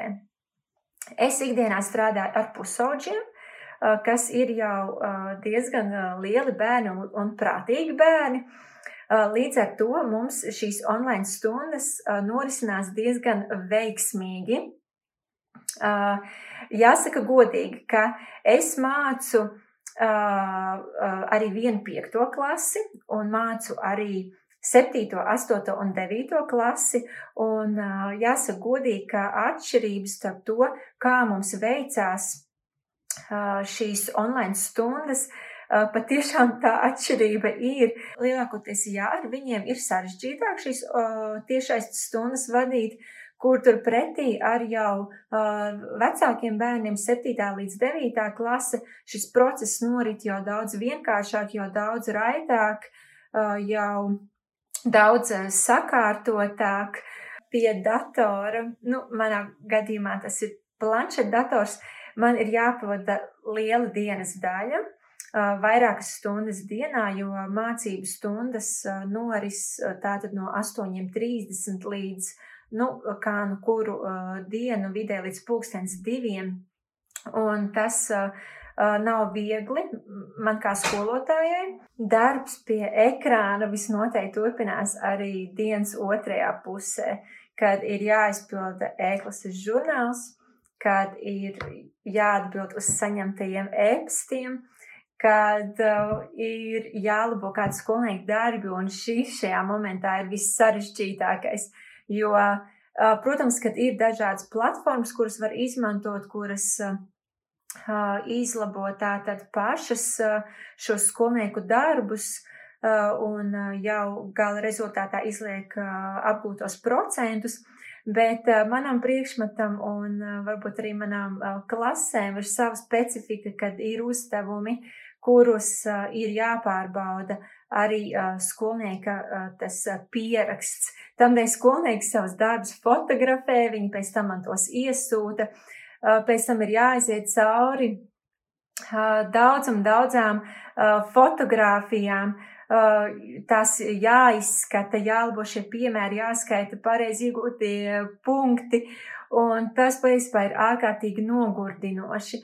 Un man pat gribētos teikt, vismaz pēc manas pieredzes un cik esmu runājis ar saviem kolēģiem, tad skolotājiem darbs šajā attēlinātajā mācību procesā ir kļuvis vēl tikai daudz vairāk. Darbs ir kļuvis sarežģītāks, tas nemaz nav kļuvis vieglāks, un tas dienas noslodze patiešām ir liela. Jāņem vērā ir arī tas, ka katram skolotājam mājās ir arī vēl sava ģimene, ir savi bērni, kuri tieši tāpat atkal mācās skolā, mācās attālināti, kuri strādā mājās, pilda mājas darbus, un skolotājiem ir jāspēj būt skolotājiem, pasniegt mācību stundas savām klasēm, un tajā pat laikā spēj palīdzēt savam bērnam, kurš arī pilda uh, savus uzdevumus, vēl jau vairāk, ja šis bērns ir uh, sākumskolas vecumā. Tādēļ skolotājiem es gribu teikt, ir, šis ir tiešām izaicinājumiem bagāts laiks. Mums visiem ir jāmācās uh, šajā laikā izdzīvot, jāatrod tie pareizākie veidi, kā strādāt. Un es gribu teikt to, kad, uh, ka skolotāji noteikti joprojām meklē šos vispareizākos veidus un joprojām taustās un joprojām cenšas saprast un mēģina vienu metodi, saprot, ka tā īsti nestrādā, tad mēģina citu mans uh, telefons uh, zvana un dod pat sevi ziņas nepārtraukti. Ir bērni, kas raksta kaut kādus jautājumus, bērni, kas iesūta savus darbus, kuri ir jāpārbauda, bērni, kas zvana, jautā. Tieši tāpat šīs tiešais stundas un pēc tam. Tādēļ, nu, ēklases ēpasts atverot katru dienu ir kaut, wow, 30 vēstules, kā lai ar viņām visām tiek galā, un viņas visas ir jāizlasa, uz visām jāatbild šie jautājumi. Um, nu, jā, šis laiks ir sarežģīts laiks, tiešām sarežģīts laiks. Nu, jā, un tad mēs apstājāmies mazu uh, skolotāju klipiņu, tad es palaidīšu dažus mammas uh, viedokļus. Sveiki visiem! Esmu Dāce. Esmu četru bērnu mamma. Jāsaka, godīgi, ne visi mani bērni iet skolā, bet varbūt arī tas no vienas puses ir nedaudz, no manis prasa vairāk, jo divi bērni iet skolā, viens bērndārzā un otrs mēģina saprast, kā visu tikt galā dzīvi. Tad, bet man ir divi, divi skolnieki. Viens ir otrā klasē, puisis Rauls un meita Melis trešajā klasē. Un šis priekš mums ir izaicinājums. Ja Melis vecākā, viņa māk pati saplānot savu laiku, māca saprast, kas ir jāiemācās un izdara to kārtīgi un uh, koncentrējās uz uzdotu uzdevumu. Tad otrs uh, ir vairāk radoša personība, kurš domā, ka aši, aši iedos, izdarīs un skolotāji pieņems darbu. Un man jāsaka, liels paldies skolotājiem un, un, un tie, kas uzņemās šo atbildību, veidot šo mācību procesu mājās un palīdzēt šos bērnus motivēt. Jo skolotājs zvana dēlam, ierunā ziņas, katru stundu pārbauda un ir līdzās. Un jāsaka, priekš Raula tas ir ļoti par svētību, ka skolotājs līdzdarbojas mājas mācībā. Un man droši vien lielākais izaicinājums ir šobrīd saprast, kā, cik daudz man sēdēt bērnam blakus, vai ļaut viņam pašam mācīties un redzēt tos rezultātus, kā viņš pats to sasniedz. Un laikam šobrīd es teikšu, man labāk ir redzēt, ka bērns saņem zemākus vērtējumus skolā, bet viņš to pats mācās izdarīt. Nevis es sēžu blakus no rīta līdz vakaram, es esmu noguris, man nervi čupā, bērnam nervi čupā un ģimenes atmosfēra nekāda. Tad labāk, ka mans bērns mācās visu dienu, bet pats to izdara. Vakardien jau tas laiks samazinājās līdz pusdienai, šodien mums bija mērķis līdz vieniem. Es um, droši vien gribētu arī jautāt, uh, tas būtu mans skolotājs pedagogiem, skolotājiem, kā labāk bērnus motivēt un kā viņiem izveidot šo apziņu man ir jāmācās, man tas ir jāizdara un jāizdara kvalitatīvi. Nu, mēs ar to strādājam, un manuprāt, šis laiks, kas mums ir dots, tā ir jauna iespēja pieņemt kādus izaicinājumus. Un es domāju, ka maniem bērniem tas nāks tikai un vienīgi par labu, jo viņi kļūs patstāvīgāki. Jo skolotājs nesēdēs visu laiku blakus arī dzīvē. Tā kā, jā, šo arī uzticam Dievu rokās, bet, ja ir viedokļi un atbildes, es ļoti priecātos. Anita, vai tu vari atbildēt? Pirmkārt, jau, lai bērns varētu kādu darbiņu izdarīt, viņam tas ir jāierāda arī šajā jaunajā mācīšanās bija jāierāda, kur to darbiņu iegūt. Mājas apstākļos, cik mēs esam rakstījuši pie virtuves galda matemātikas uzdevumu. Tātad tā ir atkal jauna vieta, kur viņam jāiekārto sava darba vietiņa pirmkārt. Un, un ir jāierāda. Sākumā tas būs grūtāk, jo tas prasa laiku ierādīt. Tātad mēs iekārtojam darba vietiņu, mēs paskatāmies, kur mēs ko noliekam. Un jau šī kārtība rada jau bērnā vēlmi strādāt. Un pēc tam, tad, kad tu jau esi parādījis, un viņš uzdevumu ir sapratis, es nedomāju, ka viņš gribēs, lai tu vispār sēdi klāt. Otrs, mazākiem bērniem noteikti ir nu, jāpārbauda šie darbiņi, jo bērniņš ir mājās. Nu, nepienāca skolotājs, ja? nu, nepienāca. Tad var uzdot tādus kontroli jautājumus. Vai teikums sācies ar lielo burtu, vai tu tur mm. paskaties savā darbiņā, vai visi vārdiņi uzrakstīti pareizi.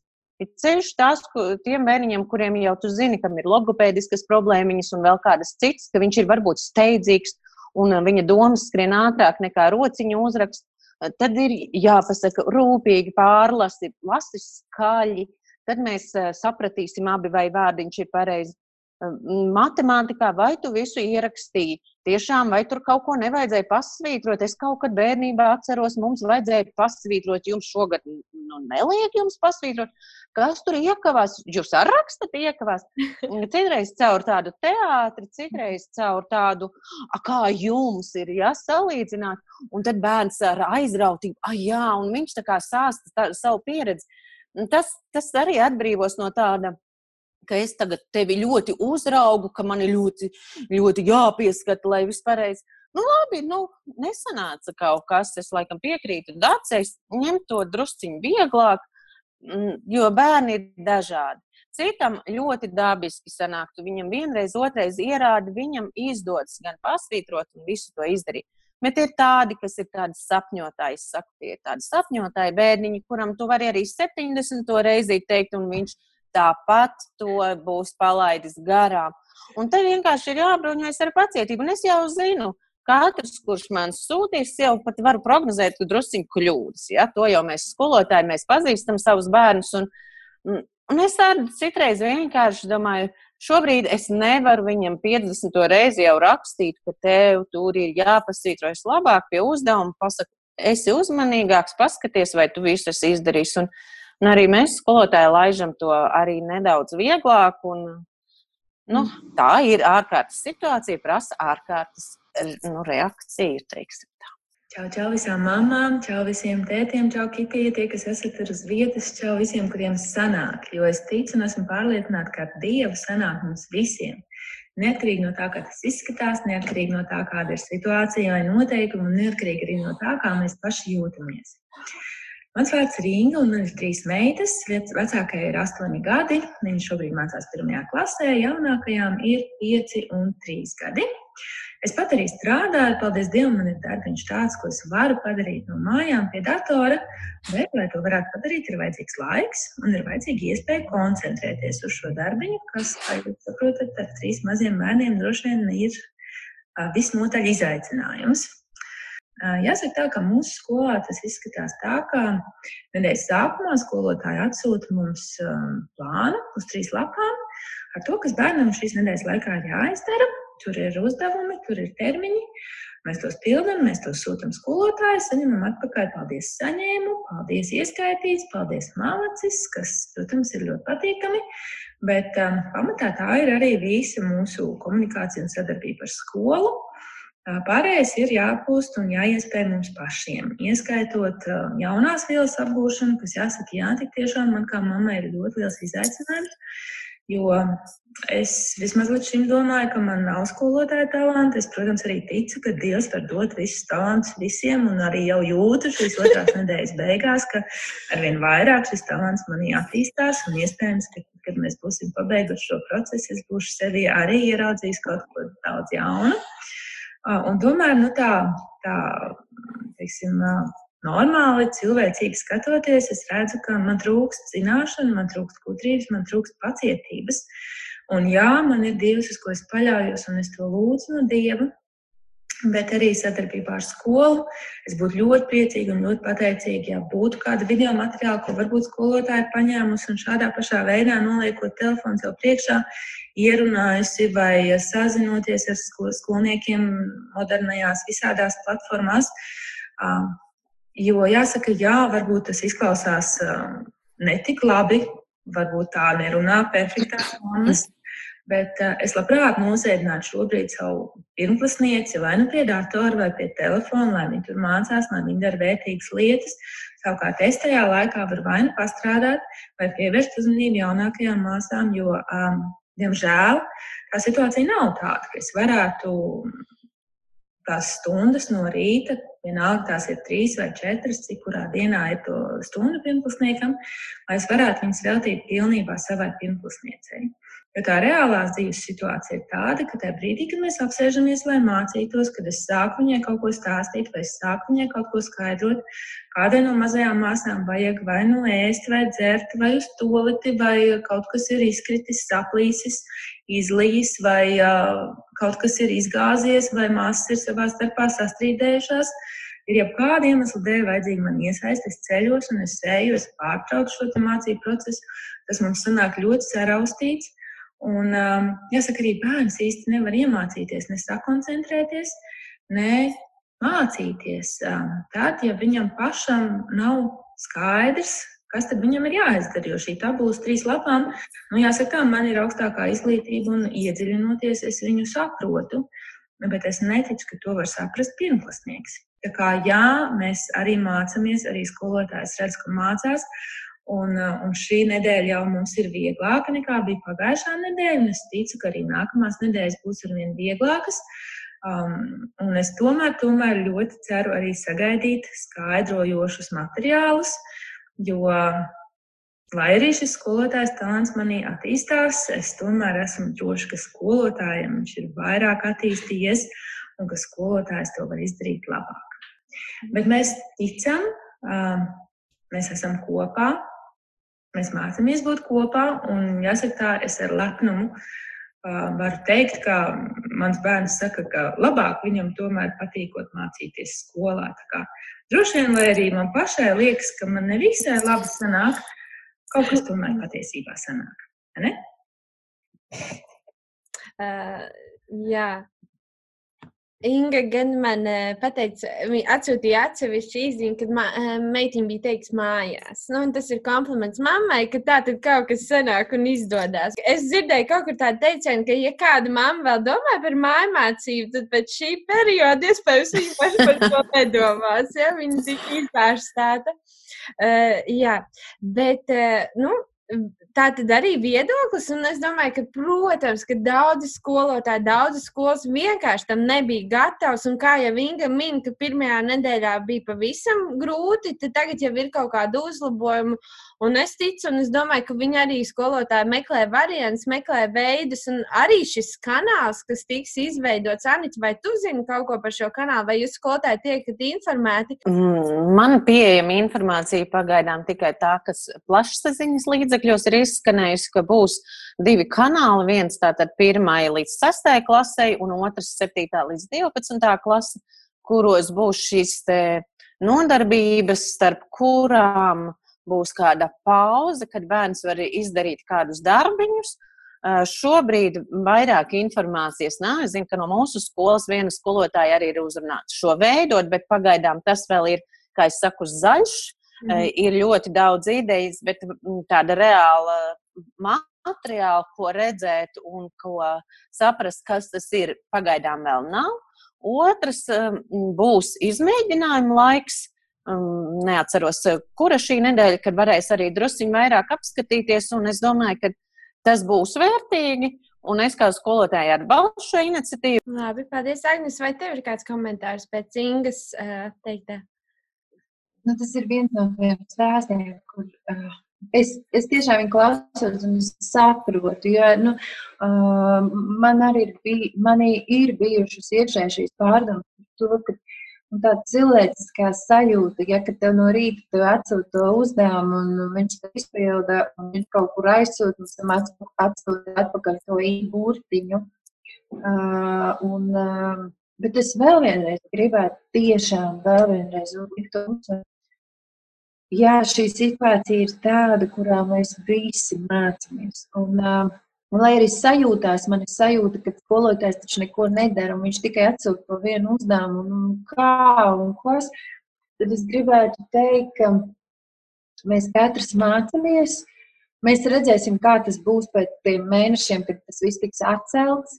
Un es ticu par gudrību mūsu izglītības ministrei saprast, eh, kā to visu darīt tālāk, ko darīt ar tiem bērniņiem, kas nebūs šo izdarījis.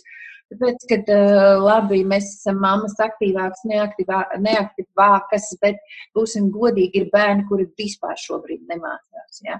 ja skola tas bija tad, kad viņus izlika pa durvīm ārā, viņi aizgāja, nosēdēja, izdarīja, un tad viņš nāca mājās. Tad ir, tie bērni ir kaut kur, un viņi nemācās, un es, uh, manas sirds tiešām šobrīd ir par to, ka Dievs pasarga viņus tajās mājās, kad kad viņi ir pasargāti, ka viņi saņem kaut Jā. kādu mīlestības aprūpi, ka viņi dabūna savas siltās pusdienas. Un, un ka viņiem ir kaut kas, nu, kaut kas ir. Jo es zinu, ka es, es, es tiešām aicinu mammas paskatīsimies. Ja tavam bērnam šobrīd ir ēdiens, ja tavam bērnam šobrīd ir kur gulēt, un viņam esi tu, Tavs bērns, es domāju, jau ir milzīgs ieguvējs, milzīgs svētīts, milzīgā žēlstībā, un tu kā mamma esi vienkārši ārkārtīgi svētīga. Tāpēc vienalga, kāda būs situācija, skatīsimies to ne, pat, es teiktu, ne, neielaidīsim pat to sēkliņu sevī, A, kā tagad skolotājs? A, kāpēc manējais neko neatsūtīja? Tam tur redziet, taisa, bet uh, angļu valodā sūta dziedāšanas nodarbību. A, manējam tā nav. Ko manējais tagad darīs ar angļu valodu? Es ticu, ka tas nāks gudrīgi. Mēs nostabilizēsimies. Jā, es arī dzirdēju par šiem uh, apmācībām caur televīziju. Varbūt tas būs risinājums. Un pat ne visiem, tāpēc, ka ne visiem ir televīzija. Ziniet, kā ir? Mums klasē ir 32 skolnieki, ja nemaldos. Ja mēs šeit sēžam, nu, trīs, ja, ja pat tie divi cilvēki satiekās, viņiem katram ir savs viedoklis. Kas notiek tur klasē, kur ir 32 skolnieki un katrai mammai ir savs viedoklis? Ja? Vienai vajag WhatsApp, vienai vajag Gmail, vienai vajag tā. Un tas viss ir tādā Jā, skolotājs sūtiet vairāk, nākamais klients skolotājs sūtiet mazāk. Skolotājiem mums vajag saziņu, nē, mūs vēl jūs mājās noteikti nevajag. Un tas skolotājs, man liekas, ir tāds, nu, uz kuru pusi, un es pieļauju, un es tiešām iedomājos par tiem skolotājiem, kur sēž mājās un raud aiz izmisuma, kuriem pašiem ir savi bērni, un viņiem vēl atraksta, ka nu, tūlīt noņems viņiem um, atalgojumu. Kas ar viņiem būs? Tagad tūlīt būs televīzija. A, kas notiks ar manu, manu atalgojumu? Vai es vispār būšu vajadzīga vēl Latvijai? Vai es būšu vajadzīga? Kas notiks? Tas neaizmirsīsim, kad aiz katra pedagoga. Vienalga, ko mēs šobrīd runājam, aiz katra pedagoga stāv cilvēks, un aiz katra cilvēka stāv vēl cilvēks. Tas mans lielākais mīļie. Sāudēsim, sargāsim savas sirsniņas un ļoti domāsim, ko mēs kā cilvēki otram cilvēkam darām. Kad mēs nenodaram šobrīd tādus sitienus, kur mēs pēc tam paši nevarēsim sasmelt un dabūt atgriezinisku atpakaļ. Agnesīte bija ļoti skaists, nu, ne skaists, bet ļoti silts Instagram posts par šo laiku. Un varbūt es gribētu tiešām arī, lai tu pasaki, atbildes tādu jautājumu, kā tu gribi, lai tavi bērni atcerās šo laiku. Tu jau gan esi daudz tam pieskārusies, bet tā nobeidzot, tā secinot, kā, kā tu gribi, lai tā bērna atcerās šo laiku, ar kādām sajūtām viņi stāsta par šo laiku, iespējams, uh, saviem bērniem vai varbūt pēc kāda laika saviem draugiem. Jo tās būs pēc mirkļa, tās būs tikai atmiņas, vai ne? Es gribu, lai viņiem tas ir tāds um, silts laiks. Es gribu, uh, lai viņiem būtu, lai viņiem būtu pozitīvas emocijas, daudz pozitīvu emociju ka kopā dzīvojot brālim ar māsu, kad nav nemaz tik traki. Un ka, kad var arī at, sadalīt visu uz trīs viņi. Bet, uh, ziniet, kas ir laikam tas mans, ko es tiešām kā saldu ieraudzīju tajā visā, ka es negribu, lai manos bērnos viņi atcerētos, māma un tēti bija izbijušies, mm. viņi viens uz otru tur kliedza, viņi nesaprata, ko darīt. Es gribu, lai viņi atcerās, ka mamma ar tēti daudz smējās. Viņi abi divi akstījās. Un tad, kad mammai bija kaut kādi tādi brīži, kad nezinu, kāpēc mamma ieslēdzās virtuvē un kliedz uz dievu, un, un viņa ilgi un dikti nenāca ārā, tad iznāk ārā, un mamma bija laimīga.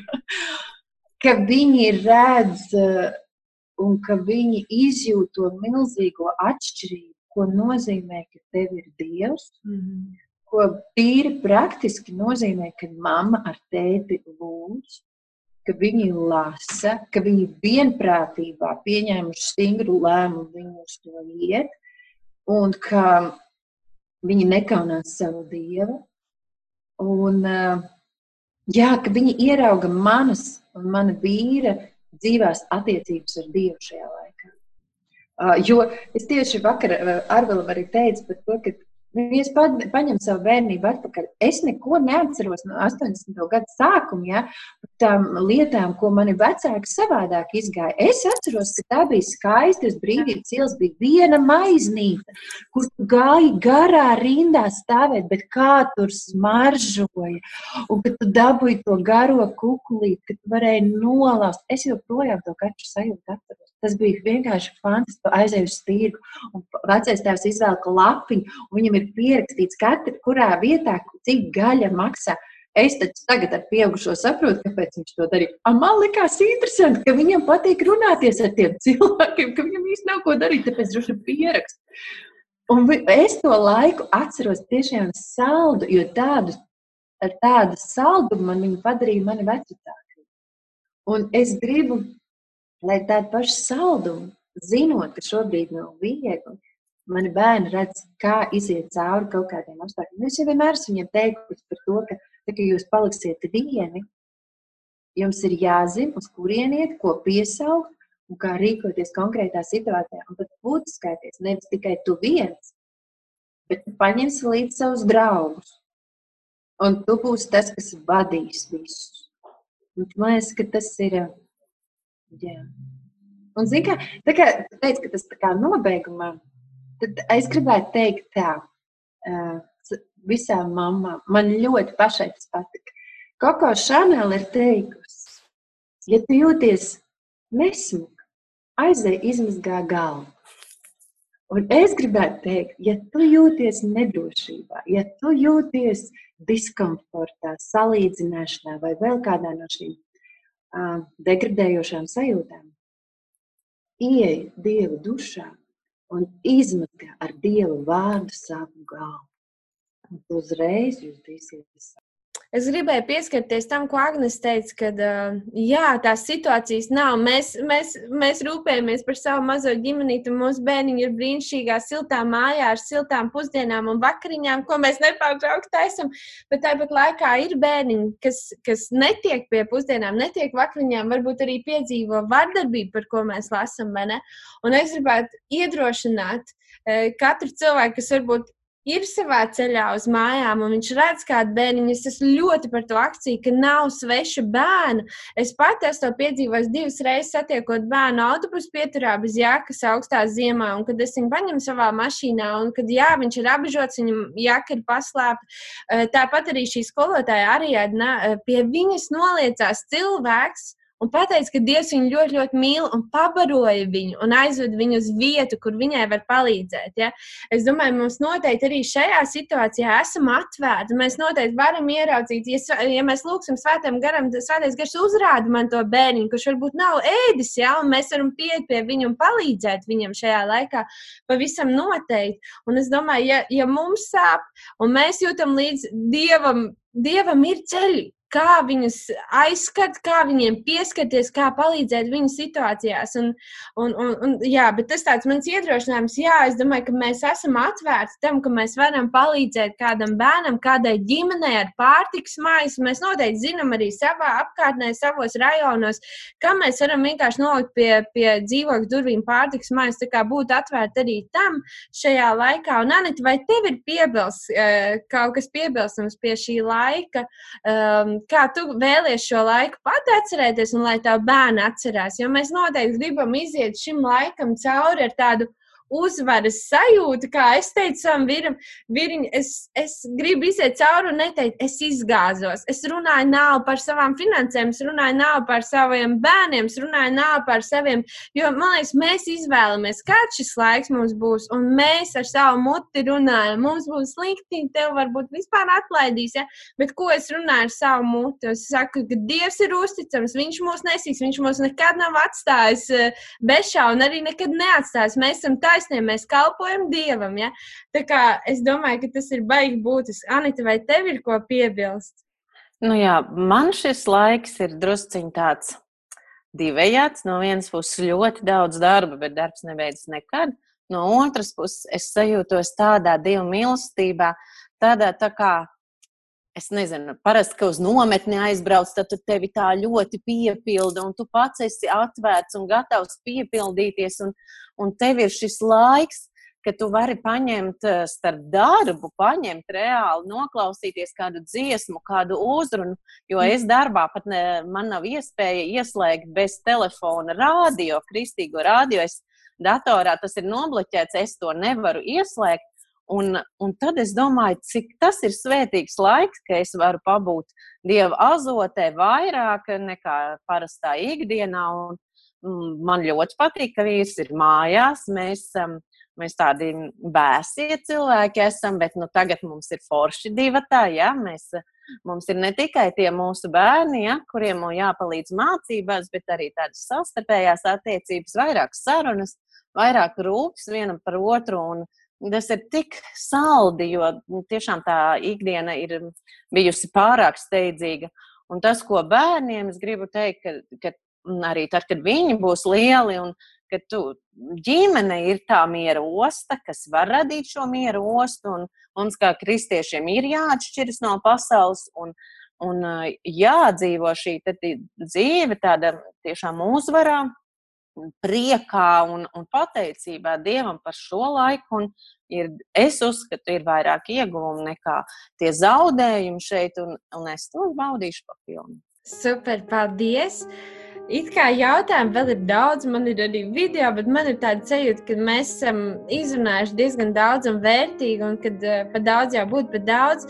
Es domāju, tā tad ieejam. Ja Vanas istabā fiziskā Agnēs teica, aizslēdzam durvis, un tad ejam gan fiziskā, gan garīgā dušā. Izvēlamies, kā mēs redzam šo laiku, vai ne? Izvēlamies Jā. redzēt kāds šis laiks būs mums un mūsu ģimenei, un runājam dzīvību par savām dzīvēm, par saviem bērniem, atraisam prieku savās mājās, vai ne? Un vienkārši, un tiešām redzam arī meklējam veidus, kā palīdzēt viens otram, kā palīdzēt skolotājiem, citiem vecākiem. Vienkārši tiešām būt ciešā sadraudzībā ar Svēto garu, un es ticu, ka viņš pacels augšā veidus, kā iziet cauri šim laikam uzvarā, vai ne? Jā. Labi, tad nu mēs sakam atā! Atā!